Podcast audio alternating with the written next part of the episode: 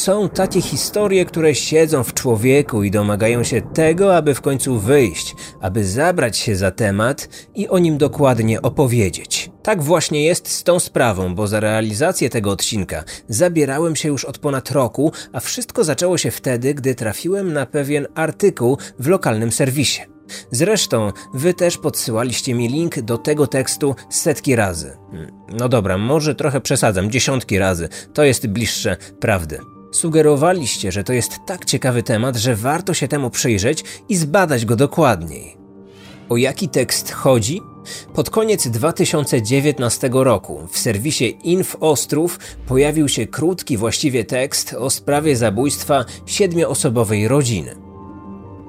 Z pozoru zwykły artykuł, jakich wiele. Redakcja wróciła do sprawy z regionu sprzed prawie 100 lat. Zazwyczaj tego typu teksty nie wzbudzają dużego zainteresowania. Jednak w tym tekście pojawiło się coś szczególnego. To element tajemniczej, niezwykłej historii i wątek kultywowania pewnych tradycji. Charakterystyczny kolor kostki brukowej na cmentarnej ścieżce. Ten element odróżnia się od reszty i ma to swoje uzasadnienie. Opisów tej sprawy w internecie w ostatnich miesiącach pojawiło się dosyć dużo. Zajmowali się tym tematem m.in. koleżanki i koledzy po fachu z podcastowej branży. Uznałem jednak, że warto zająć się tą historią raz jeszcze. E, chciałem też odwiedzić Ostrów Wielkopolski, aby na żywo zobaczyć miejsce, o którym pisano w artykule. Przy okazji odwiedziłem także inne miejsca związane z tą sprawą. Ruszamy w podróż śladami zbrodni. Dobra, no to jesteśmy już w trasie. Do Ostrowa mamy około dwie godziny drogi. Specjalnie wyjechaliśmy z samego rana. E, było właściwie jeszcze ciemno, więc wydaje mi się, że w ciągu jednego dnia spokojnie zdążymy objechać wszystkie ważne dla tej sprawy miejsca. Oczywiście zabiorę Was ze sobą do tych miejsc, ale zanim to nastąpi, mm, chcę Was wprowadzić trochę w temat. E, posłuchajcie, czego w ogóle dotyczy ta sprawa, o której będę za chwilę opowiadać. Cofamy się blisko o 100 lat, ależ zamierzchłe czasy, co? Naszym bohaterem, a właściwie antybohaterem, jest Czesław Konieczny.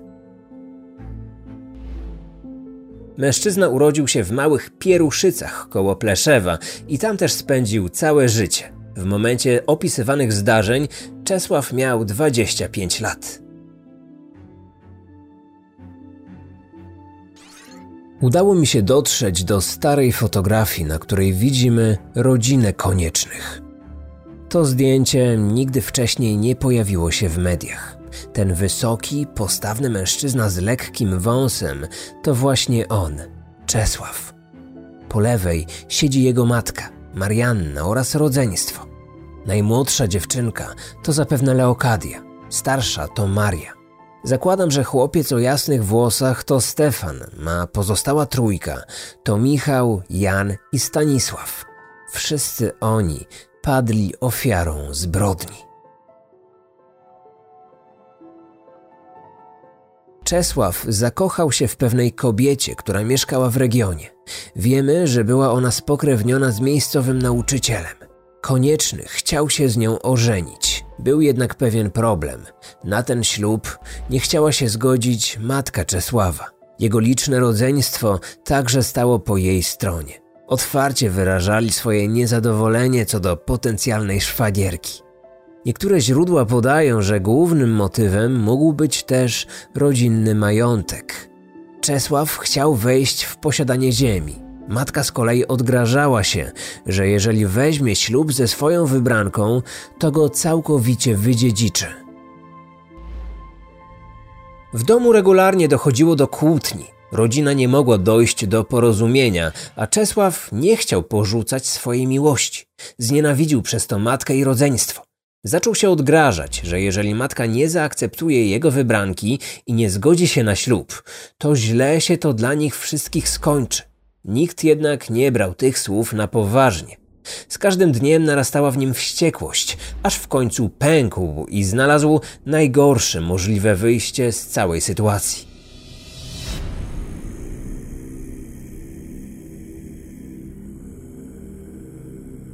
Tej nocy na terenie posiadłości koniecznych przebywała jego matka oraz sześcioro jego rodzeństwa.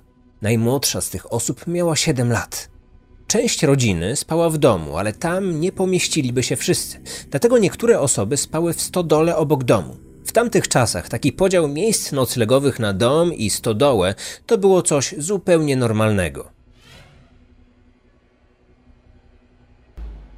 Czesław w pobliskiej kuźni dokładnie naostrzył siekierę. Gdy był już pewny, że narzędzie jest gotowe, zabrał się za realizację planu. Domownicy byli zaspani i zaskoczeni. Nie oszczędził nikogo. Nie będziemy wchodzić już w szczegóły tej makabry. Każdy potrafi sobie chyba wyobrazić, co tam się wydarzyło i jak musiało wyglądać to miejsce po dokonaniu tego siedmiokrotnego zabójstwa. Jednym słowem, krwawa rzeź. Dodam jedynie, że sprawca zadając ciosy celował w głowę i szyję. Nie było więc wątpliwości, że atakował, aby zabić. 25-letni morderca nie chciał iść do więzienia. Zresztą wtedy więzienie byłoby dla niego chyba łagodnym wymiarem kary, bo pamiętajmy, że w tamtych czasach obowiązywała kara śmierci i podejrzewam, że każdy sąd za taką zbrodnię wymierzyłby właśnie taki wyrok. Czesław musiał więc odsunąć od siebie podejrzenia. I w tym miejscu historii mamy właściwie najwięcej rozbieżności. Pojawia się wiele różnych wersji zdarzeń. Sprawa była bardzo głośna i relacjonowały ją lokalne dzienniki, ale co ciekawe, w każdym tytule pojawiały się nieco inne informacje. Teraz, po takim czasie, chyba nie będziemy już w stanie zweryfikować pewnych doniesień. Odpowiedź pewnie moglibyśmy znaleźć w aktach tej sprawy, ale niestety nie udało mi się takich dokumentów zlokalizować. Może akta zostały zniszczone podczas wojny, mm, a może leżą gdzieś w archiwum i właściwie nikt nie ma o nich pojęcia. Jednak przedstawię Wam wersję, która według mnie jest najbardziej prawdopodobna. Co więcej, takie okoliczności zdarzeń przedstawiają również mieszkańcy Pieruszyc oraz okolicznych miejscowości. Oczywiście to są zbyt odległe czasy, aby te osoby pamiętały o tych wydarzeniach bezpośrednio, ale słyszały relacje od swoich dziadków, sąsiadów czy, te, czy też rodziców. Ta historia była przekazywana z pokolenia na pokolenie, z ust do ust i wiedzą o niej właściwie wszyscy w tym regionie. Po zabiciu rodziny około trzeciej w nocy przerażony Czesław pobiegł do sąsiadów. Pukał w okna ich domu i krzyczał, że ktoś zabił całą jego rodzinę.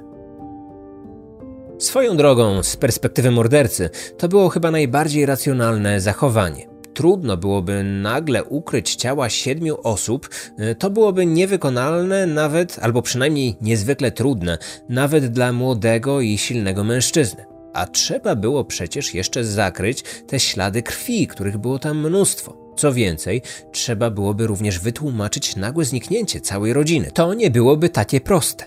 Na miejsce zbrodni przybyli więc zaniepokojeni sąsiedzi. Zobaczyli oni zmasakrowane ciała. Zdecydowano, że trzeba jak najszybciej zawiadomić policję. Czesław tłumaczył, że na dom napadł jakiś nieznajomy bandyta który uciekł. Jeżeli tak właśnie było, to być może zaatakuje kolejne osoby.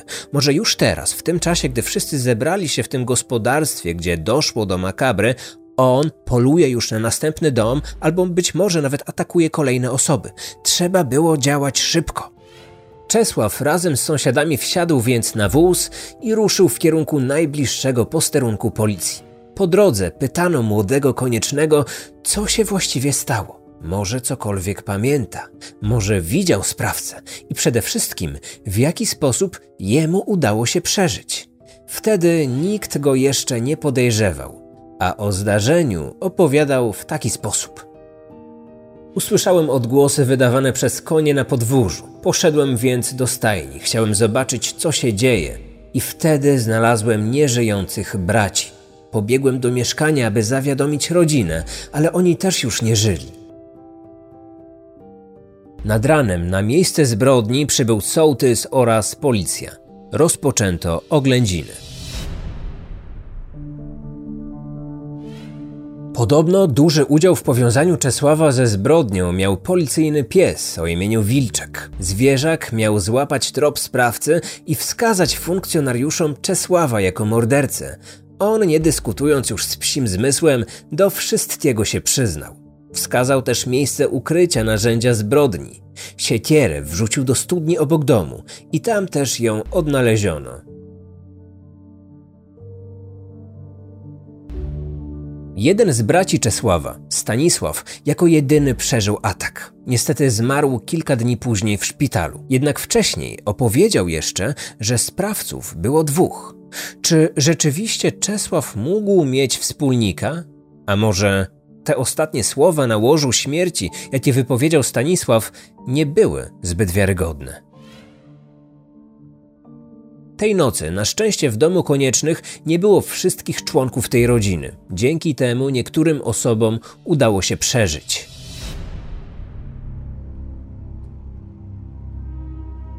Zaraz po aresztowaniu Czesław trafił do aresztu w Pleszewie. To właśnie w tym miejscu spędził trochę czasu zaraz po dokonaniu zbrodni. Pewnie rozmyślał nad swoim czynem i zastanawiał się, jaka kara może mu za to grozić, albo raczej kiedy tę karę wykonają.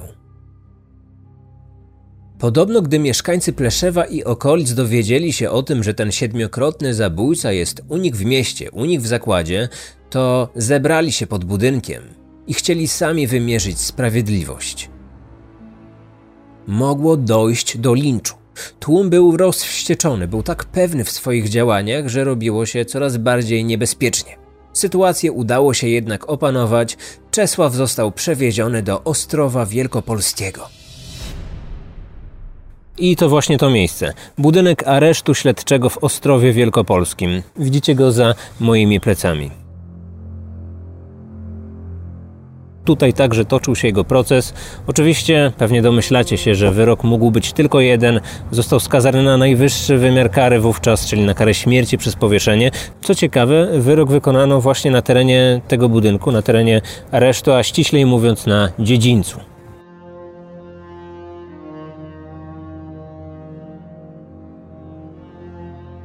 Kilkadziesiąt lat później, w czasach PRL-u, a właściwie to od lat 60., wyroki kary śmierci wykonywano tylko w kilku polskich miastach, m.in. w Krakowie, w Poznaniu e, lub w Gdańsku. Do tego tematu jeszcze wrócimy na końcu materiału, gdy opowiem Wam o moich cmentarnych poszukiwaniach na Miłostowie w Poznaniu. Wcześniej jednak, czyli przed wojną, jak i zaraz po wojnie, egzekucje często wykonywano w tych zakładach, w których przebywali skazańcy. I tak też było w sprawie koniecznego, który został stracony w Ostrowie Wielkopolskim. Podobno po wykonaniu egzekucji w całym mieście rozklejono plakaty informujące o wykonaniu wyroku.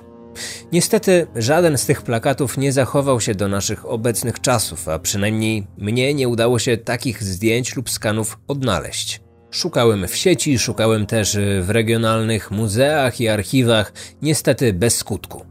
Ale może po publikacji tego materiału ktoś z Ostrowa Wielkopolskiego i okolic znajdzie przez przypadek na strychu lub w piwnicy taki właśnie plakat. Jeżeli tak będzie, to bardzo proszę o kontakt. Chętnie nawet taki relikt przeszłości odkupię. Zdradzę wam, że zbieram tego typu kryminalne eksponaty. Tam za moimi plecami na półce powinniście zobaczyć. E, albo chwila, przyniosę, pokażę. Tak, e, muszę tak zrobić, żeby było widać. E, ok. To jest e, apel wampira. Mordercy, który grasował w Zagłębiu w latach 60., który zabił kilkanaście kobiet. Dostałem ten apel od Wicki kanału. Jeszcze raz bardzo dziękuję. Co ciekawe, wyobraźcie sobie, że ten apel został znaleziony na śmietniku. No, takie ciekawe rzeczy można tam znaleźć. Dobra, odstawiam wampira na półkę i my wracamy już do sprawy koniecznego.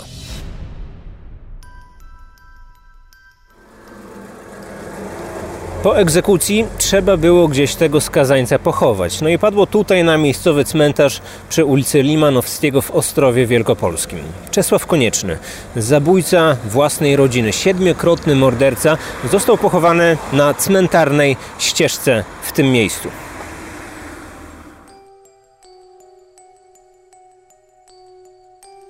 Ja nigdy nie byłem w tym miejscu tutaj na cmentarzu, w ogóle nigdy nie byłem w Ostrowie Wielkopolskim, nawet przejazdem. E, Pan, który zajmuje się tutaj całym cmentarzem, zapewniał mnie, że bez problemu uda mi się znaleźć to miejsce. Mówił, proszę przejść przez główną bramę, nie będzie problemu, aby to miejsce odnaleźć. Okazuje się, że nie jest to takie proste, dlatego wspomagam się jeszcze tym artykułem, o którym wspomniałem, e, ale wydaje mi się, że, że wiem już chyba, w którym kierunku należy iść.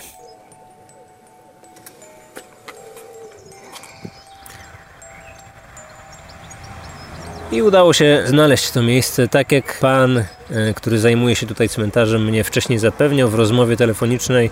E, miejsce jest zaraz obok wejścia, zaraz obok bramy. Weszliśmy po prostu nie od tej strony, co trzeba. Z tym miejscem wiązała się pewna legenda. Ludzie wierzyli, że gdy osoba zostanie pochowana na cmentarnej ścieżce i inne osoby będą nieustannie deptać i chodzić po jej grobie, to dusza takiej osoby nigdy nie zazna spokoju.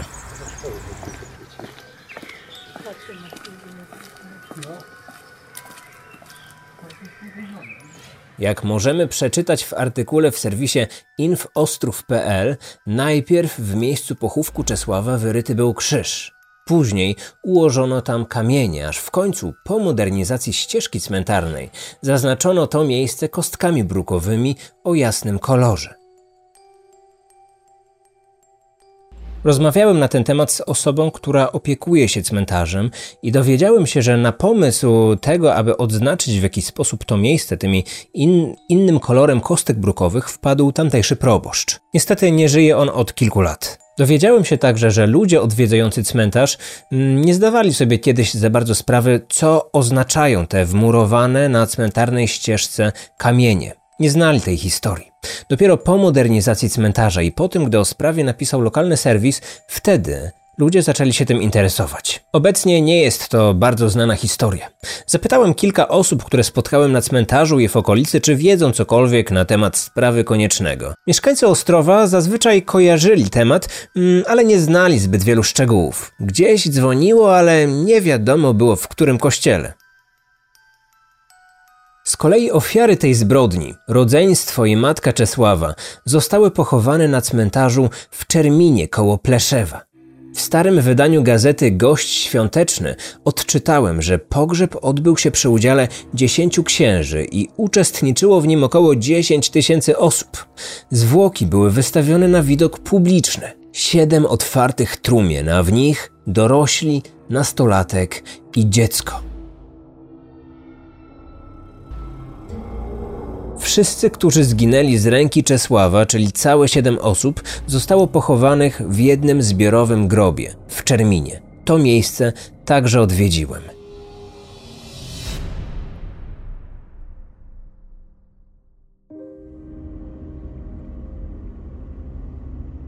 Szukam pewnego grobu, który z tego co tutaj znalazłem w internecie jest y, zlokalizowany właśnie na cmentarzu w Czerminie. 815, sektor G. No, wejdzie pan bramą prosto, tam idzie w kierunku kaplicy tą główną aleją, i potem obok, od kaplicy idzie w kierunku krzyża i po prawej stronie pan teraz ma tam taki grób, nie? Dobra. No. To skoro ten grób jest już tam od e, blisko 100 lat, to co w takim razie ktoś go opłacił, czy to zrzuciła się społeczność, żeby... Nie, nie, nie, my tak nie likwidujemy od razu, wie pan, bo to, że, że jak jest, to jest, nie? No, nie ma rodziny już pewnie żadnej i tak dalej, no. My go zostawiamy, zostawiamy groby, ja jeszcze żadnego grobu nie zlikwidowałem. Aha, czyli po prostu jest miejsce, także nie ma potrzeby, aby te groby likwidować. Przecież jest jakaś tam historia, to wszystko jest, nie? nie? Są piękne też nagrobki i tak dalej, nie ma rodziny, już na to zostawiamy, nie?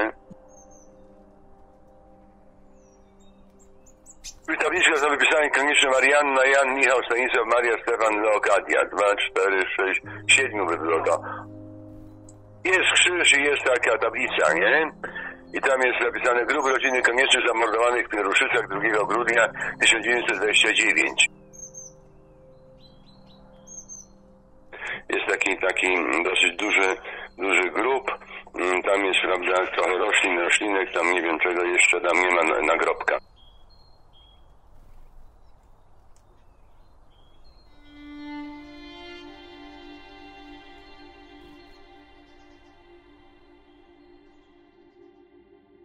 Zbierając materiały o tej sprawie, trafiłem także na pieśń o tytule Straszna zbrodnia w Pieruszycach. Te skany, które teraz widzicie, dostałem od widza kanału. Przy okazji ponownie dziękuję za kontakt. Z takich maili, które od Was dostaję, dowiaduję się o wielu ciekawych wątkach. Do wiadomości z tymi skanami pieśni dołączona była także informacja, że te słowa zostały podobno spisane dawno temu przez leciwą mieszkankę regionu. Myślałem, że pieśń żyje tylko w pamięci mieszkańców okolicy. Jednak treść tego utworu została spisana i opublikowana w książce. Posłuchaj ojcze, posłuchaj matko, jakie dzieci wyrodne stają się katami, was nie szanują i popełniają zbrodnie. Tak zaczyna się utwór. Bardzo poruszające słowa. Wydaje mi się, że to właśnie ta informacja o tym, że skazańca pochowano na cmentarnej ścieżce i fakt, że ta historia jest przekazywana z pokolenia na pokolenie od blisko 100 lat, sprawiła, że ta historia tak bardzo zainteresowała internautów. Ludzie na cmentarzu w Ostrowie wciąż chodzą po szczątkach mordercy. Przynajmniej taka zachowała się legenda. Z kolei w innej opowieści dowiedziałem się, że podobno niedaleko tego miejsca pochówku, niedaleko ścieżki cmentarnej, przez długie lata regularnie co roku na wszystkich świętych pojawiała się świeczka. Mówiło się o tym, że znicz zapalała ta niedoszła żona zabójcy. Obcowanie z takimi historiami przez odwiedzanie miejsc związanych ze sprawą zawsze było dla mnie bardzo ważne. Takie podróże wywołują u mnie wiele emocji. Coś mnie przyciąga do takich miejsc, do takich wypraw i to pomaga mi w przedstawianiu całej historii.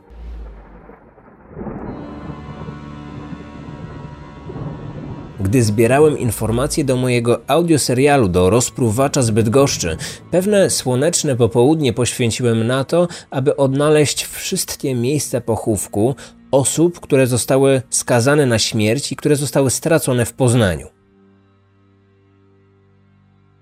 Wiemy już o Kolanowskim, o Polusie, o Tyklewiczu, o tych wszystkich sprawach opowiadałem, czy to na podcaście, czy to na kanale, e, ale takich osób jest zdecydowanie więcej. Na razie są to zupełnie nieznane historie i nieznane nazwiska, ale sprawy są bardzo ciekawe.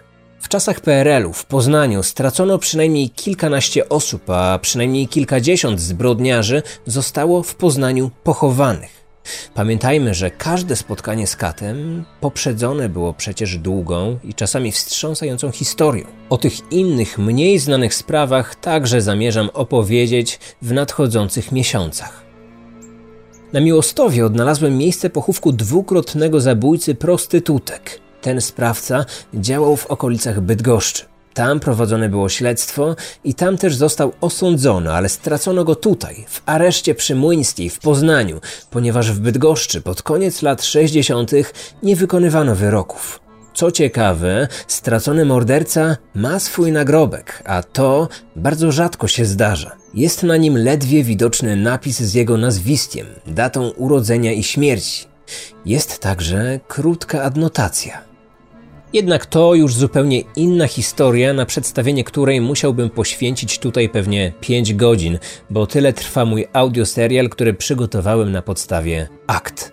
Jeżeli chcecie dowiedzieć się na ten temat czegoś więcej, jeżeli chcecie poznać historię tego mordercy, jak i poznać kulisy śledztwa jednej z najbardziej krwawych zbrodni w historii Bydgoszczy, to odsyłam Was na stronę rozpruwacz.pl.